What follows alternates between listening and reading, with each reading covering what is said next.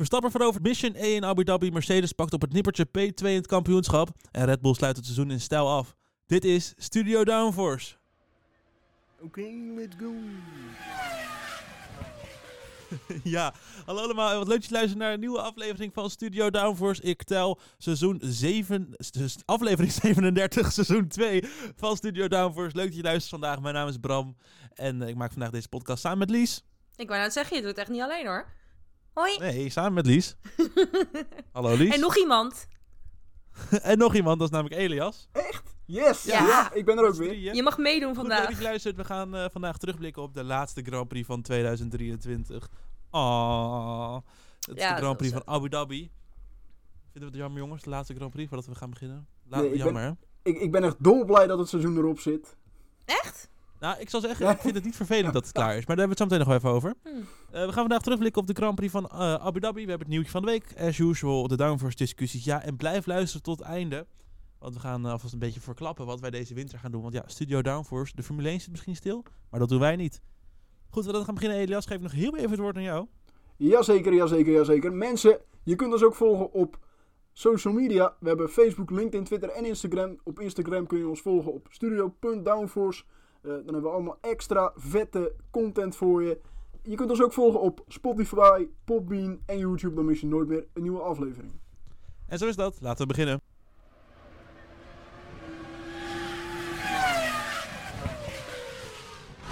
Ja, en dan doen we dus op de Grand Prix van Abu Dhabi een terugblik, zoals dat heet. We gaan, eh, ik ga eerst even aan Lies en Elias vragen wat jullie nou van de race vonden, jongens. Eh, Lies, in twee woorden. Een beetje teleurstellend. Oké, Elias in drie woorden. Oh, ik in drie woorden. Ja, Een redelijke anticlimax.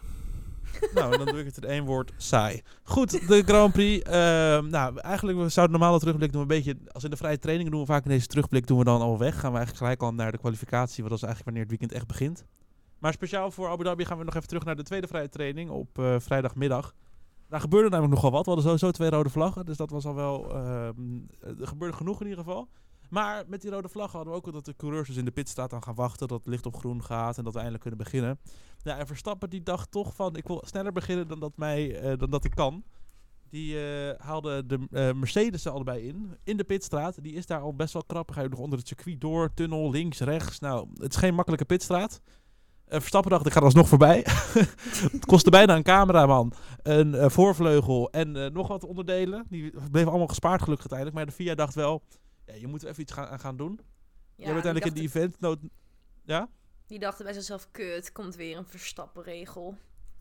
Ja, nou, en die kwam er ook, want je mocht dus eh, niet meer, je mag dus nu niet meer inhalen tot het eind van de pitlane, dacht ik, hè, van de pitstraat. Exit Ja. ook. Ja. Dus ja, maar het is toch, ja. Aan de ene kant, ik zie op social media heel verschillende reacties van goed dat Verstappen dit doet. En aan de andere kant van, ja, maar het is de tweede vrije training, dus in principe Mm, is het ook geen ramp om eh, te wachten. Nou, Norris had wel, had wel een goed punt. Het is eigenlijk, eh, is dit probleem is het resultaat van het proberen te fixen van een ander probleem. Namelijk die maximale rondetijd. Is je had Ja. eerst dat ze mensen op het circuit gingen wachten. En nu doen ze dat dus in die pit exit. Dus ze hebben een probleem opgelost wat weer een nieuw probleem heeft veroorzaakt. Dat klopt, ja, nee, zeker. Ja, en het, het, is, het, het is typerend voor de FIA natuurlijk dat zoiets gebeurt. Want het ene Ja. probleem eh, oplossen, het andere probleem komt, eh, komt weer in zicht. Maar dit is natuurlijk, dat ze dit nu pas doen, vind ik wel een beetje laat. Dit had natuurlijk eigenlijk in eh, Brazilië al gemoeten dat hier Ja, iets voor opgelost was. Ja. Maar goed, dan gaan we naar de zondag. Want eh, daar startte Verstappen op pole position met naast hem Leclerc. eh, eh, alle ingrediënten voor in ieder geval een spannende race. Want ja, we hadden eh, dan wel Russell en Leclerc vooraan. Maar Mercedes en Sainz, eh, Hamilton en Sainz die stonden wat verder terug. Eh, voor de strijd in het kampioenschap voor P2, in het co- constructeurskampioenschap, was dat best spannend. En dat bleef ook eigenlijk wel de hele race spannend. Dat was toch wel een van de rode draad- ra- draadjes waardoor het kijken naar deze race leuk bleef. In ieder geval langer leuk dan de eerste paar rondes. Vonden jullie dat ook? Mm, Ja. ja. maar op een gegeven moment reed hij er toch weer 18 seconden of zo vandaan. Maar vooral, ik vond vooral de start, want eh, Verstappen kwam niet zo goed weg. Leclerc Nee. kwam beter weg. En dat vond ik heel erg interessant. Ik dacht van, ah, nu, nu gaat het echt gebeuren, weet je wel. Maar ja, je weet natuurlijk ook wel een beetje inmiddels hoe het gaat. Ja, precies. En uh, Alfa Tauri probeerde daar nog wel iets aan te doen. Vond ik wel leuk om te zien dat een aantal teams in ieder geval proberen die alternatieve strategie te doen. Bleek namelijk eh, met terugwerkende kracht een twee-stopper, de race in Abu Dhabi. Maar sommige teams probeerden er toch wel een één-stopper van te maken. Waaronder dus Tsunoda met Alfa Tauri. Ja, en ze moesten ook eigenlijk wel, want het ging om plek 7 in het kampioenschap. Ze hadden acht punten nodig uit mijn hoofd. En op een gegeven moment reed eh, Tsunoda daar zelfs aan de leiding door een strategie. Bizar. Ja, maar goed, toch wel vijf statistiek om mee te nemen de winter in. Uiteindelijk kwamen ze een paar punten tekort. Tsunoda kwam volgens mij op de, achterplek, op de achterplek, achtste plek terecht. Dacht ik, in de uitslag. Ja, Dat is dan, zeven of vier- acht inderdaad. Zoiets. Ja, dat is net niet voldoende. Dus Williams die, eh, kon die plek 7 vasthouden. Maar goed, wel, eh, wel sportief van Alfa Tauri. Dat ze nog zo lang hebben ge- volgehouden als het ware. In ieder geval voor dat gevecht. Ja, ze deden hun best. En zo is dat, zo is dat. Zie je toch dat daar met, eh, eh, sinds de komst van Ricciardo, helemaal nadat zijn eh, pols weer ge- geheeld was, dat daar toch wel een soort van lichtjes gaan branden, eigenlijk. In ieder geval is daar een stijgende lijn eh, in te zien. Tenminste vind ik, sinds Ricciardo er zit. Ja, en eh, Paul de Vries natuurlijk die vertrokken is. Paul de. Vries- Wat? eh, ja, lach man. Wat? Wel slecht. Kunnen we nog een heel jaar over hebben. Eh, mocht je social media niet gevolgd hebben, Nick de Vries werd neergezet als Paul de Vries uit Estland voor Trident rijden, maar wel met logo van Alfa Tauri. Goed, dan gaan we naar Alpine toe. Daar was namelijk best wat onvrede tussen Gasly en Ocon. Nou, dat is, eh dat is, valt een beetje in herhaling met wat we vorige week hebben gezegd in deze podcast. Ja, niks was wat ook niet in de- gewend zijn. Ook in Las Vegas was het al zo. Gasly startte goed. Ocon die moest vanuit het achterveld komen, maar had op een of andere manier een geweldige strategie. Terwijl Gasly echt een beetje voor, voor, eh, Jongens, ja, voor, voor- totaal niet eh, aan gedacht werd rondom de strategie. Dit is echt Kleine rent. van... eh, ben, ben je iets vergeten? Nee, nee, nee. Nee, nee, nee, vergeten. nee. Nee, maar even- het, even- eh, dan is het niet belangrijk. Eh, even een en dan kleine staat hij gewoon te wachten. Je wordt gewoon keihard genaaid daar, hè, als Gasly zijn.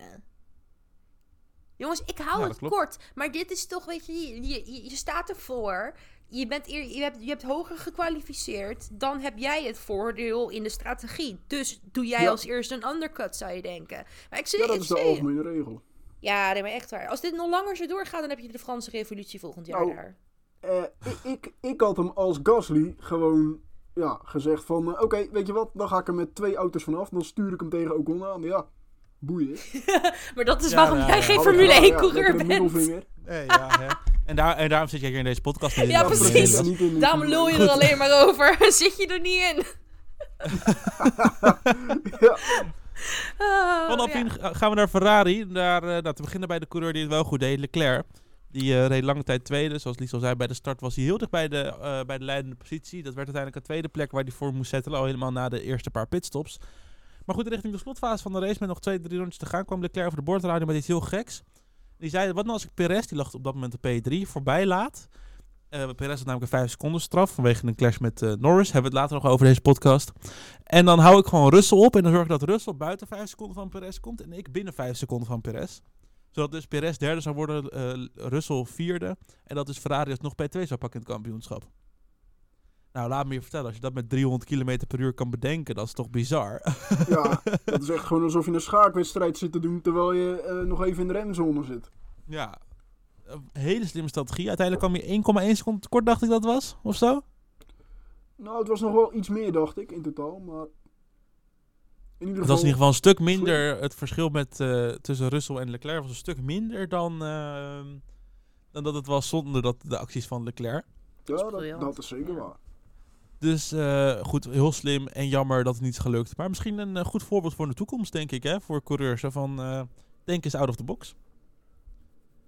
Goed, wie eh, in de box dacht, dat is Sainz. Vooral in de laatste ronde van de race. Sorry, dit bruggetje kan Goed niet laten liggen.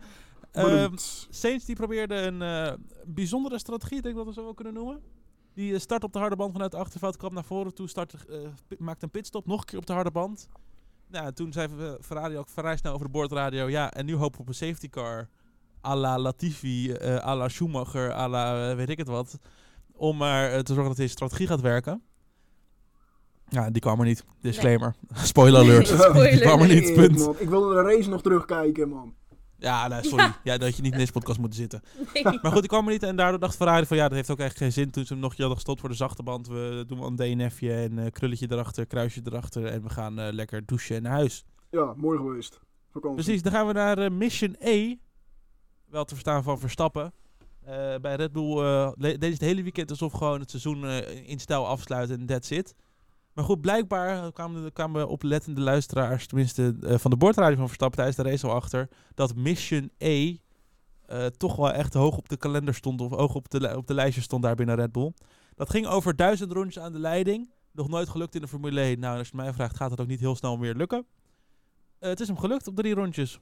1003.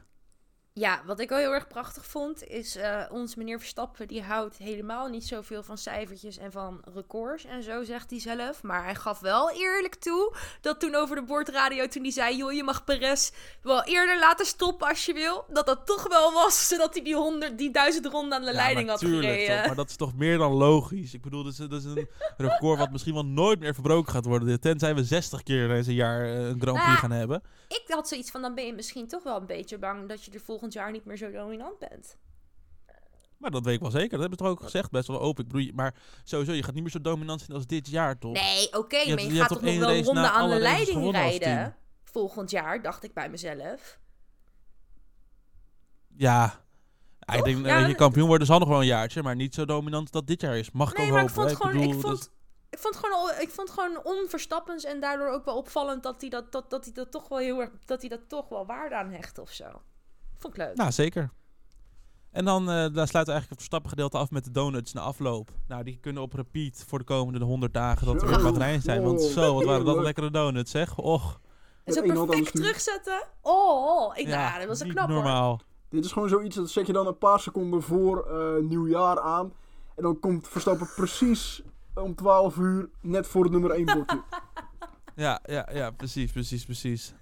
Ja, en dan tot slot de pitstop infringement. Dit was na de race, was, dat was eigenlijk tijdens de race kwam dit al. Was een beetje gek, want eh, allemaal teams zouden pitstopregels hebben overtreden.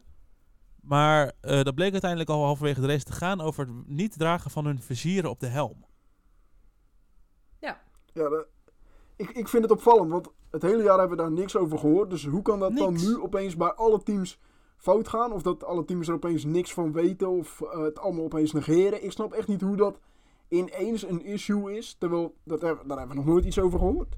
Nee, ik neem Nee, aan maar dat... het is ook echt, het, Sorry. het komt echt uit het niets. Nee, Het ik komt neem echt aan uit het niets dat ze- dit nu in één keer ja. zo'n issue is. Maar dan hebben ze denk ik nooit toch die bril op gehad. Ze, nou maar even, zou de FIA gedacht hebben... Wat een saaie kutrace is dit. Weet je wat, we maken het even spannender, want alle, alle kijkers die vallen in slaap. Dat, ze zal me niks eh, verbazen als dat hebben bedacht van, nou, hebben ja, gedaan voor Opeens iedereen We gelijk ons bezig, we moeten onze stewards wel een beetje bezighouden. Ik denk dat dat is wat ze hebben gedacht. Ja. ja, ja, ja. We moeten toch maar gewoon een beetje zorgen dat, eh, dat er nog iets gebeurt. Maar goed, uiteindelijk op, was de formele waarschuwing volgens mij nog. Of een, een, eh, een reminder van de regels of zo was wat ze hebben gegeven, dacht ik. En that's it. Ja, het was eh, gewoon een op je, tik op je vingers, weet je wel. Niet meer doen. Foei. Foei. Ja, precies. Maar ja. En Perez trouwens ook nog even na de race. Hè, even naar de stewards. Die had voor mij gezegd dat de stewards eh, belabberd zijn. Of niet zo, zoals het hoort of zo. Wat had hij nou gezegd? Ja, hij was in ieder geval niet heel vrolijk. Nee. Maar goed, dat mocht ik nog even uitleggen aan de stewards. En daar kreeg je ook voor mij alleen de formele waarschuwing. En dat was it. Goed, eh, Bram. Goed. Hoor je Ja. wat ik hoor? Ik hoor het ook. Hoor jij het ook? Kijk, Ja. daar komt hij. Ja, daar is hij. Het, het. Het nieuwtje van de week, week, week. Het nieuwtje van de week, Lies. Ja, het nieuwtje van de week. Ga ik weer omdopen tot het geruchtencircuit. Oh, Ehm, alweer. we moeten- Alweer. Ja, I know, jongens. jullie kennen me inmiddels toch wel. Nee, luister. Ik, ik zal het heel erg beschaafd eh, houden. Ehm, we moeten het even hebben over het enige stoeltje wat nog niet bevestigd is in de Formule 1. Namelijk die van... Diffamatie. Oh nee, die zit er al niet meer. Van wie zei je? Zijn Sorry, er ga Mazepin? Diffamatie. Maar die zit er al een tijdje niet meer. Nee, die sowieso niet, inderdaad. Eh, nee, we moeten het hebben over, over oh, Logan Sargent. Eh, ik laat even in het midden of hij het verdient om volgend jaar terug te komen naast Alex Albon in de Williams, ja of nee. Ga je het in Ehm, het midden laten de komende paar minuten?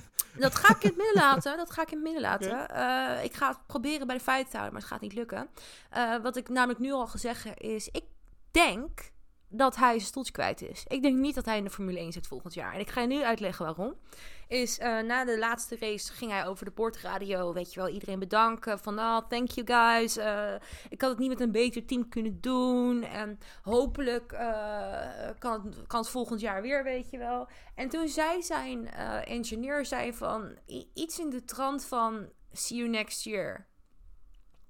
En eh, daar waren ze bij F1 TV, waren ze wel zo slim om de teambaas eh, van Williams daar even na navraag te doen van joh, eh, is, klopt dit? Is hij bevestigd? Komt hij volgend jaar terug? En ik vond eigenlijk James Vals vond ik best wel ja, ik vond hem nou helemaal niet enthousiast toen, weet je wel. Hij zei ze van, nou ja, ik denk dat die engineer iets te snel zijn conclusie heeft getrokken of iets te snel heeft gepraat. Want uh, ik, we hebben die beslissing nog niet genomen of ik mag nog geen uitspraak over die beslissing doen. En vervolgens zegt hij, um, maar hij is een fantastische coureur en hij, was, hij is een fantastische Academy driver en hij zal altijd een Williams Academy driver blijven. En toen dat, dat, mhm. dat vond, die, die twee zinnen vond ik persoonlijk best wel een, ja, dat vond ik gewoon een afscheidsspeech. Ik ben denk wel dat wel, misschien... Zo, zo, gewoon... ja, ja. zeker weten. Dit is ja, echt zoiets denk... van... Ja, uh, je zal altijd een goede vriend van me blijven. Ja! Uh, maar we gaan lekker... Zo van, het ligt niet aan jou, het ligt aan mij. Weet je, net alsof je gedumpt wordt. Dat was het een beetje. Het was echt een dump. Ik vond, ik vond het echt... Ja, ja, dit was echt een uh, dump gewoon. Ja, ja, maar misschien is het ook wel gewoon omdat heel veel, heel, veel, heel veel fans in ieder geval, die zagen, die zagen en wij ook trouwens, maar hebben ook, ook wel een keer geroepen al. Weet je, Sargent moet alleen nog maar bevestigd worden en dan hebben we de hele grid rond volgend jaar. Dus voor, voor velen was het eigenlijk een soort van, ik weet voor jou Lies was dat wat meer vraagtekens bij. Maar voor velen was het niet de vraag van of, maar wanneer Williams zou bekendmaken dat Sargent volgend jaar ook nog rijdt. Ook omdat Williams door het jaar heen heeft gezegd van we willen meer tijd geven dan één seizoen om te winnen aan de Formule 1. Ja, en plus op een gegeven moment bleven ze hem wel echt heel erg trouw, vond ik. Op een gegeven moment bleven ze het echt zo erg voor hem opnemen dat ik ook wel dacht van oh ja, oké, oké, die, die laten ze zitten.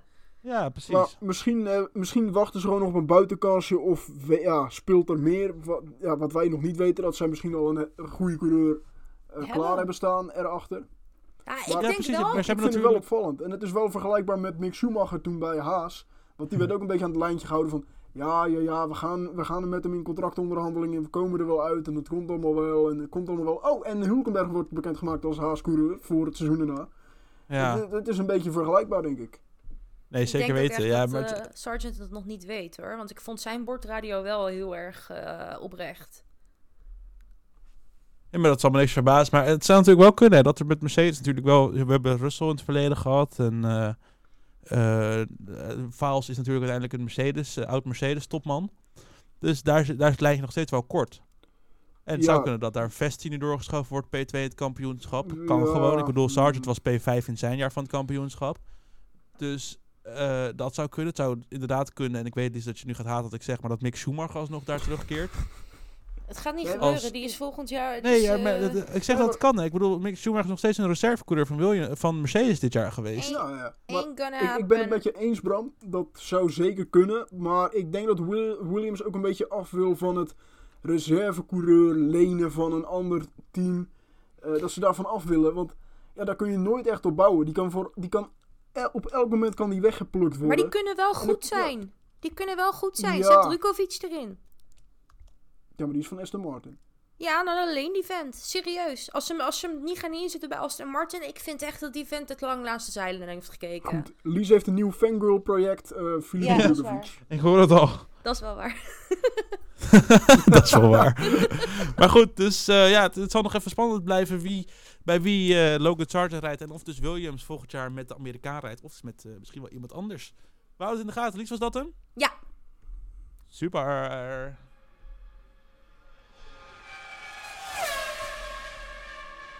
Want dan gaan wij door en we gaan naar de downforce discussies. Ja, wat speelt er momenteel in de paddock? Waar moeten we op terugblikken? We gaan dat is goed om dat vast te vermelden. gaan we nog niet doen over het hele seizoen. We gaan het alleen echt nu hebben over Abu Dhabi en wat de afgelopen weken is gebeurd. En waarom dat zo is, dat hoor je na de downforce discussies. Goed, de eerste stelling. Haas moet grote veranderingen doormaken na een nieuw teleurstellend seizoen. Eens. Uh, eens. Eens, maar het moet niet Gunther Steiner zijn en ook niet Hulkenberg. ja. Er moeten koppen rollen. En ook niet, er moeten koppen rollen, maar niet Steiner. Ook blijven. En niet Hulkenberg. Nee, Steiner krijgt een Netflix-show, hè? Wist je dat? Even tussendoor. Oh. Ja, hij krijgt een, uh, hij krijgt een, volgens mij krijgt hij een comedy show of zo. Ik dacht eerst dat ik het gedroomd had, maar het is echt waar. de natte droom van Lies. ja, echt waar. Even checken. Bram, google deze shit. Maar ga vooral door. Ik, uh... Nou, uh, ja. weet je, het is, het is elk jaar sinds de komst van Haas elke keer hetzelfde liedje. Uh, sinds 2016. Ze kunnen gewoon niet die auto doorontwikkelen. En ze weten gewoon niet hoe ze die bandenproblemen op. Ze kunnen geen auto's bouwen, punt. Ze weten niet hoe ze formuleauto's moeten bouwen. Oprecht, want Ze, ze hebben de onderdelen kopen ze elk jaar in bij Ferrari. En dat gaat aan het begin van het jaar heel goed. Alleen daarna kunnen ze niet zelf doorontwikkelen. Want ook het chassis hebben ze van eh de Lara. En dat komt natuurlijk uit Amerika. Ja, plus ik vind het ook wel veelzeggend als een Hulkenberg op een oude spec blijft rijden en niet op een nieuwe spec, omdat hij gewoon bij hoog en laag beweert dat de oude spec beter is dan de nieuwe spec. Dan Ja. doe je echt iets verkeerd hoor. Ik vind het ook wel Ja, leuk dat, dat... zagen we toch ook in, dat zagen we toch ook in Abu Dhabi. Want volgens mij was eh, Hulkenberg Ja. in de oudere auto sneller dan Ja.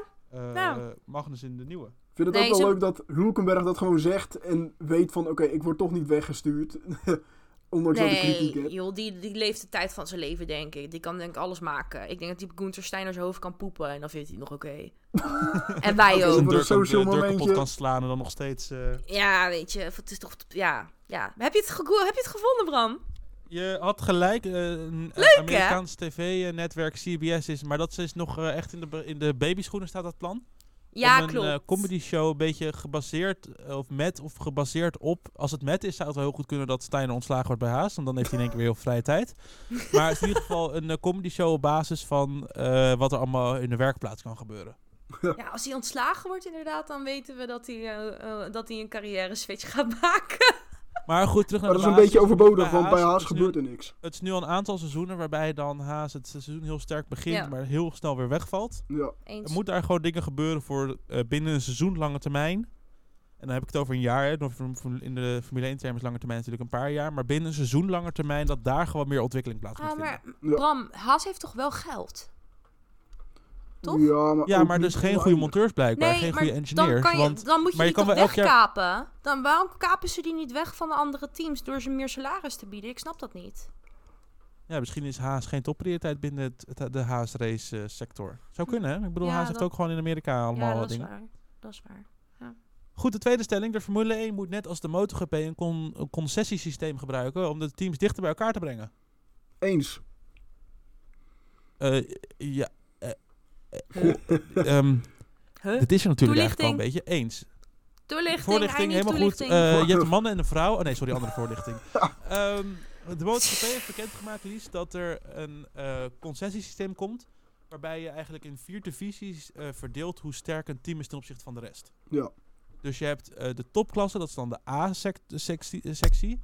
En die krijgen het minste tijd om te testen, minste mogelijkheden om te testen, minste eh, voordelen, dat soort dingen. Updates, En dan hoe eh, lager je- motorblokken, dat Ja, precies. Wildcards. En hoe lager je in die eh, ranking gaat, hoe meer mogelijkheden je hebt. Tot volgens mij zelfs de laagste sector, die hebben volgens mij vrije ontwikkeling van de motor of zo. Ja, toch, gewoon- Elias? Ja, die mogen gewoon vrij ontwikkelen. Ook het motorblok mogen zo een hele seizoen vrij ontwikkelen. En ze mogen gewoon vrij testen wat ze willen. Ja, Precies. Dus En dit heeft eigenlijk heeft de Formule 1 dit natuurlijk al in, in Ja. kinderformaat. In de zin van dat de eerste plek minder windtunnel krijgt dan de laatste plek. ja. Maar, moet En, maar dat van de. MotoGP is nog een stapje extra. ja, dat is echt op het circuit dat ze mogen testen. Ja, Ik, ik zie daar wel wat... eh, ja, ik zie daar zeker wel een toekomst in voor het is, bijna, het is bijna dat Red Bull dan niet mee mag doen aan de eerste vrije training. Zo. 1. Ja, Ja, maar Ja. dat, is prima. Ja, I love it. Let's go. Eens. Nou, ik ben, het- ik ben het eens in de zin van dat ik vind dat Formule 1 wel meer mag doen aan eh, balance of performance, maar dan eh, natuurlijke balance of performance. Dus niet echt Ja, maar geforceerd. dat is gewoon heel lastig. Ja, natuurlijk, maar ik vind dat de hoe de MotoGP dat doet wel, dat krijg je natuurlijke eh, natural selection in die zin. Dat Ja. de teams die het slecht doen, hebben gewoon meer tijd, dus die kunnen meer ontwikkelen. En dat vind ik een hele goede, hele goede. Want dan heb je nog steeds, dan kan je nog steeds wel met, zoals bij Red Bull nu met Newey, die kunnen nog steeds geniale dingen bedenken en daar nog steeds die voorsprong op uitbreiden. Maar in de basis heb je gewoon, omdat ze minder tijd hebben, kunnen ze minder snel ontwikkelen. Dat is natuurlijk de basis. Ja, eh, over Red Bull gesproken. Is dit een hint naar de volgende stelling? ja, Fijn. Eh, de, over Red Bull gesproken, de- vooral over die ene Mexicaan die eh, nog steeds wonderbaarlijk zijn stoeltje heeft. De straf van Perez is onterecht na de botsing met Norris in Abu Dhabi. Eens. Eens, eens, eens, eens, eens, eens. Race incident. ik ben het eh, Oneens. oneens. Jezus jongens, wat zijn jullie flauw. Nee, Nee, maar hij, hij, Ik bedoel-.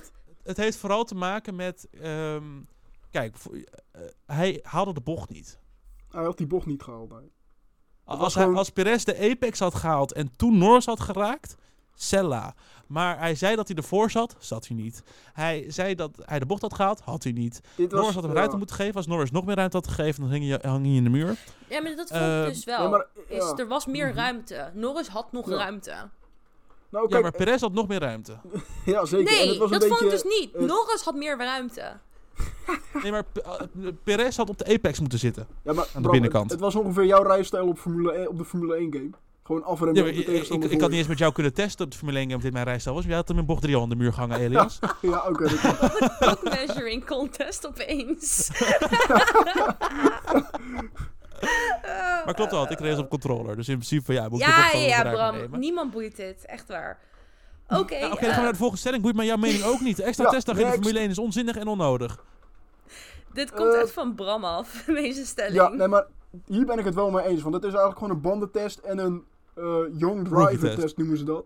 Maar Ja. het zijn allemaal geen jonge coureurs meer. Kijk, het boeit Nou, echt helemaal niks die uitslag. Ik heb vandaag Het, het, eh, leukste, het leukste van die dag vandaag is dat Russell zijn auto heeft gecrashed. Die heeft waarschijnlijk gedacht van fuck deze, fuck de W14, ik, wil gewoon vakantie. Ik ga naar huis, ja. Ja. Dat is een vliegticket. Oh nee, die rijdt... eh, ja, nee, dat is... Ja, ja, ja. Nee, maar, nee, maar goed, op de datum van opnemen, we nemen dit op op een dinsdag, de 28e. Er is vandaag die laatste testdag geweest. Maar die Ik zal even een testdag, samenvatting geven. Oh, hoe lang? testdag de sessie werd voor 25 coureurs. Nee, voor de, band, eh, voor Ja, de voor Pirelli en voor. Young Drivers. Ja. Maar goed, eh, de samenvatting van de testdag, heel snel. De sessie begon een half uur later, omdat de medische helikopter nog niet geland was. Dat is wel lol. Toen was er eh, de ochtend de training tot George Russell dus de baan de, ge- eh, crashte in bocht 6. Zou vanwege een probleem zijn met de auto, maar de voor, het zag er toch wel echt uit alsof de voorwielophanging gebroken was was. flink gecrashed hoor, volgens mij. in, in zessen. Niet? Ja, hij was echt gecrashed. Ja, toch? Dit, wat, dit, wat, dit is geen probleem. ja, of dit is een probleem en daarna een crash. Maar dit was in ieder geval een crash. Ja, nee, hij, is, hij, hij, is- hij heeft wel een muurtje geraakt. Dat sowieso. Maar de meer, rechter ja. voorwielophanging hang, die was er helemaal af. Dus Ja. zou kunnen dat dat à la... eh, eh, was het ook weer? Buemi in eh, China in 2009 eh, gebeurd is. Maar goed, het was een half uur eh, stop. En daardoor wa- waren al veel coureurs die hadden gewisseld. Want je had een aantal teams die hadden in de ochtend een coureur en in de middag een coureur. Maar goed, en in de middag hadden we dan nog een rode vlag voor eh Iwassa in de Alfa Tauri. Omdat hij eh, gestopt was aan het eind van de pitlane. En dat was een beetje de sessie. Nou, dankjewel voor deze TED Talk.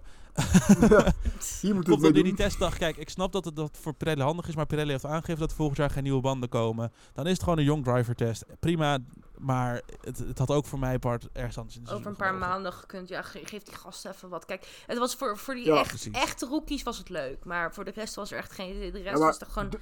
Ja, Ja, die- nou, het, is leuk om het, het is natuurlijk leuk om een Iwassa, een Colapinto. Ja, een, precies, eh, dat is lachen. doe, dat Lekker. le- doe dat lekker in, in maart of februari. Exactly. Tijdens, Ja, ja, precies. Ja. voor de testdagen. Ja. ja. Dat je er drie of Goed. vier dagen van maakt. Dan de ene laatste stelling. Ferrari kan de strategist van Leclerc beter ontslaan. Eens. Ja, oneens. Maar hoe lang zeggen we dat niet al? eh? ja, Nou, daarom. Maar oneens, ik, ik, heb een nieuw, ik heb een nieuw plan. nee, nee, niks met je nieuwe plan. Ik ga eerst even renten. Ik wacht, ik wacht al de hele fucking Ik ga koffie halen. podcast ja, op deze eh, wij, zo, wij komen zo terug. Jongens, wat viel mij op? Is dan komt Nou. Leclerc met een briljant idee om Perez voor te laten om zo een gat te creëren bij Russell. Daar moet hij zelf opkomen. Drie ro- rondes voor het einde. Daar moet hij zelf eerst gaan overleggen met zijn strategisten.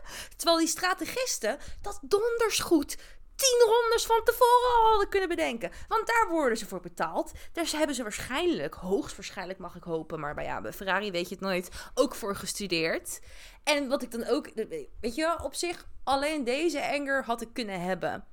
Maar dat je dan ook nog Sainz laat piepelen. En dat je gewoon vanaf ronde 25 gaat wachten op een safety car. Dat dat je strategie is. Wachten op een safety car. Ja, sorry hoor. Maar dat kan ik ook. Dat kan ik ook. Dat kan ik ook verzinnen. Weet je, dat, dat kunnen ze mij ook aannemen. Dan kunnen ze Bram ook aannemen. Dan kunnen ze zelfs Elias aannemen. Dan kunnen we met z'n drieën kunnen we daar ook gewoon gaan zitten bij, eh, bij, Elias? bij Maranello. Nee, maar serieus, jongens. Ik dit heb een maakte baan. me dus, eh, zo boos. En dit moet toch voor Leclerc als coureur zijn. Dan moet je je toch compleet genaaid voelen. Is dat jij in die auto dit moet gaan bedenken. Van, oh ja, nee, maar wacht eens even, dit kan. Ja, ik, ik zou daarna als Leclerc zijnde, zou ik zo fucking pissed zijn. En dan mag je ook nog geen donuts draaien. Ja, want dat mocht ook niet, hè, aan het einde. Ferrari mocht, hij mocht geen donuts doen. Nou, ik zweer het je. Ik vind het zo zielig. Ik vind het zo zielig. Ik vind het zielig voor Carlos Sainz. Ik vind het zielig voor Charles Leclerc. Ik vind het zielig voor iedereen in Nederland en daarbuiten met een heel groot Ferrari-hart. Wat een fucking drama is dit, zeg. En dit was denk ik... Wil ik nog even door? Nee, ik denk dat ik het... Nee, het is oké. we- we- Het is duidelijk. Dit was de einde van mijn TED-talk. Maar man, wat kan ik hier boos om worden. Dan even terug naar de stelling. Ja, dus, dus het eens. Leclerc Eens. beter ontslaan. Eens. Ik ben het oneens, maar ik heb maar één zin aan te geven. Leclerc moet gewoon zijn strategisten een workshop gaan geven deze winter. Gewoon Ja, elke dat- week even een uurtje zitten, een race doornemen. Ja, of Dit gewoon beter zelf gaan doen jongens. inderdaad hoor, dan maar. Maar dan zou ik dus Ja, echt, precies. ik zou een verdubbeling van salaris vragen hoor. Maar ik vond het zo, en dan, en dan Sainz ook, jongen. Is je kan Ja. toch niet... Want het was, kijk, dat je de laatste tien rondes of de laatste vijf rondes op een safety car hoopt, oké. Maar zij echt vanaf ronde 20, of vanaf, misschien Ja, vanaf, vanaf dat hij van de grid afging, hoopte zij al op een safety car of zo. ja. Het was echt kansloos. Maar ik ben, ik ben Typisch niet klaar. Ik geloof ook wel dat de auto Goed. van Sainz misschien niet meer helemaal oké was, hoor. Dat, dat, dat, dat, Ja, dat misschien zou ook kunnen. wel.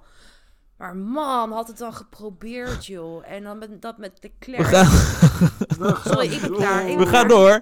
De laatste Ja. stelling. Het is goed dat er geen Grand Prix meer zijn de komende maanden. Oneens. Eens. Eens. Ja, ik Ja, ik, raak weet niet wat het is, maar ik heb, voor, ik, heb, ik heb voor het eerst in jaren echt dat ik denk van... Goh, wat lekker eigenlijk. Een paar weken gewoon geen wel Waarschijnlijk eind december zou ik hier weer anders over denken. Ja.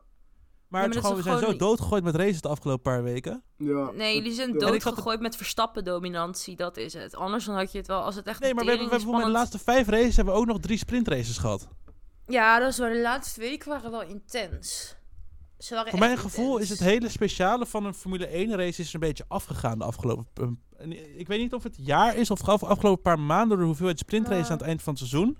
Waar. Maar ik Ook, leefde ja. er maar altijd toe naar een race. En het was nu gewoon de laatste paar weken van. Het was maandag en het was Ja. weer een raceweek. Ja, maar ik denk dat dat ook wel te maken heeft met eh, het feit dat gewoon ja, alle, alle titels eigenlijk al heel snel beslist waren. Hè? En dat zag je natuurlijk Oh ja, eh, ook, ook, ook gewoon voordat mee, Red ja. Bull de constructeurstitel pakte, voordat Verstappen kampioen werd, wisten we eigenlijk allemaal al, ja, dit is allemaal al gedaan en dit, gaat ja. Ja. dit gaat niet meer veranderen. Dit is gewoon een walk in the park voor Red Bull en Verstappen.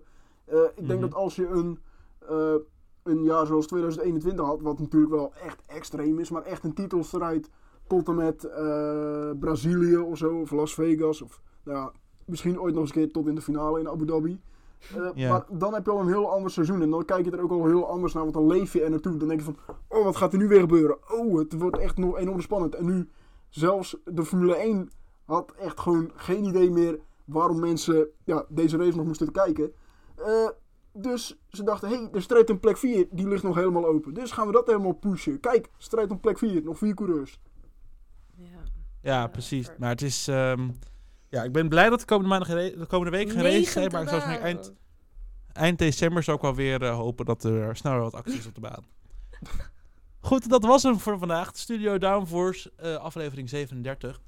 Eh, ja, we hebben eigenlijk wel leuk nieuws, want we hebben natuurlijk nu wel winterstop. Afgelopen jaar deden we de winterstopcast. Dat we elke week een, een, een terug gingen blikken op het seizoen van een team. En een beetje vooruit gingen blikken op het seizoen. Nou, dit jaar gaat het er anders uitzien, deze winterstop. Ehm zal ik maar gewoon gelijk even de doeken van, van het, eh, hele project Ja, trommelgeroffel. Ben ik de enige die het doet nu, jongens? Nee, Ja, ik doe het ook. Ik Je doe bent de het ook. enige. Ik doe het ook. Goed, we gaan eh, beginnen volgende week met een terugblik op het seizoen 2023. Woe! En, eh, daar hebben wij heel veel zin in. Dat is een beetje hetzelfde soort eh, aflevering als je van ons gewend bent. Maar dan echt een terugblik op het hele seizoen. De belangrijkste dingen en de grappigste dingen die gebeurd zijn. Het belangrijkste nieuwtje van het jaar komt voorbij. en de, ja, de, de, discussie, de belangrijkste discussies van het afgelopen jaar die we nog een keertje gaan herbeleven. Dan eh de week daarna hebben we de 2023 Studio Downforce Awards. Nou, dat kan niet zo gek. Nou, meest underrated drive, meest leuke podium, meest beste beker, meest gefaalde beker. Het kan van alle kanten op gaan. We weten Welke het nog awards dat zijn hoor je tegen die tijd wel. Maar dat is dus eh, een soort awardshow van eh, Studio Downforce. Gaan we dan ook in pak en eh, met rode loper? Of? Hell no. Ja, we kunnen wel eh, in, eh, in eh, stropdas en alles en wel eh, voor de camera gaan zitten. Ja. daarvoor, ja. Niemand die het ooit Goed, ziet. ja, wat daarna komt is ook wel belangrijk. We gaan, er komt een podcastaflevering. Hoe komen we de winterstop door? En die is waarschijnlijk, dat is tegen die tijd dat ik zei, voor de eerste paar weken is het oké, maar daarna word ik toch weer, denk ik, dat ik die Formule 1 depressie ga hebben. Dus dat is een belangrijke, want dan gaan we eens even kijken, zijn er leuke series die we kunnen kijken, Drive to Survive misschien terugkijken, misschien is er een andere raceklasse die wel begint in januari. Een soort Zou kunnen, Formule 1. Het zou kunnen. Ja, en Ja. daarna hebben we een periode nog van helemaal niks. Ja, en daar komt een serie, jongens. Oh. We gaan de doeken van afhalen. F1 voor rookies.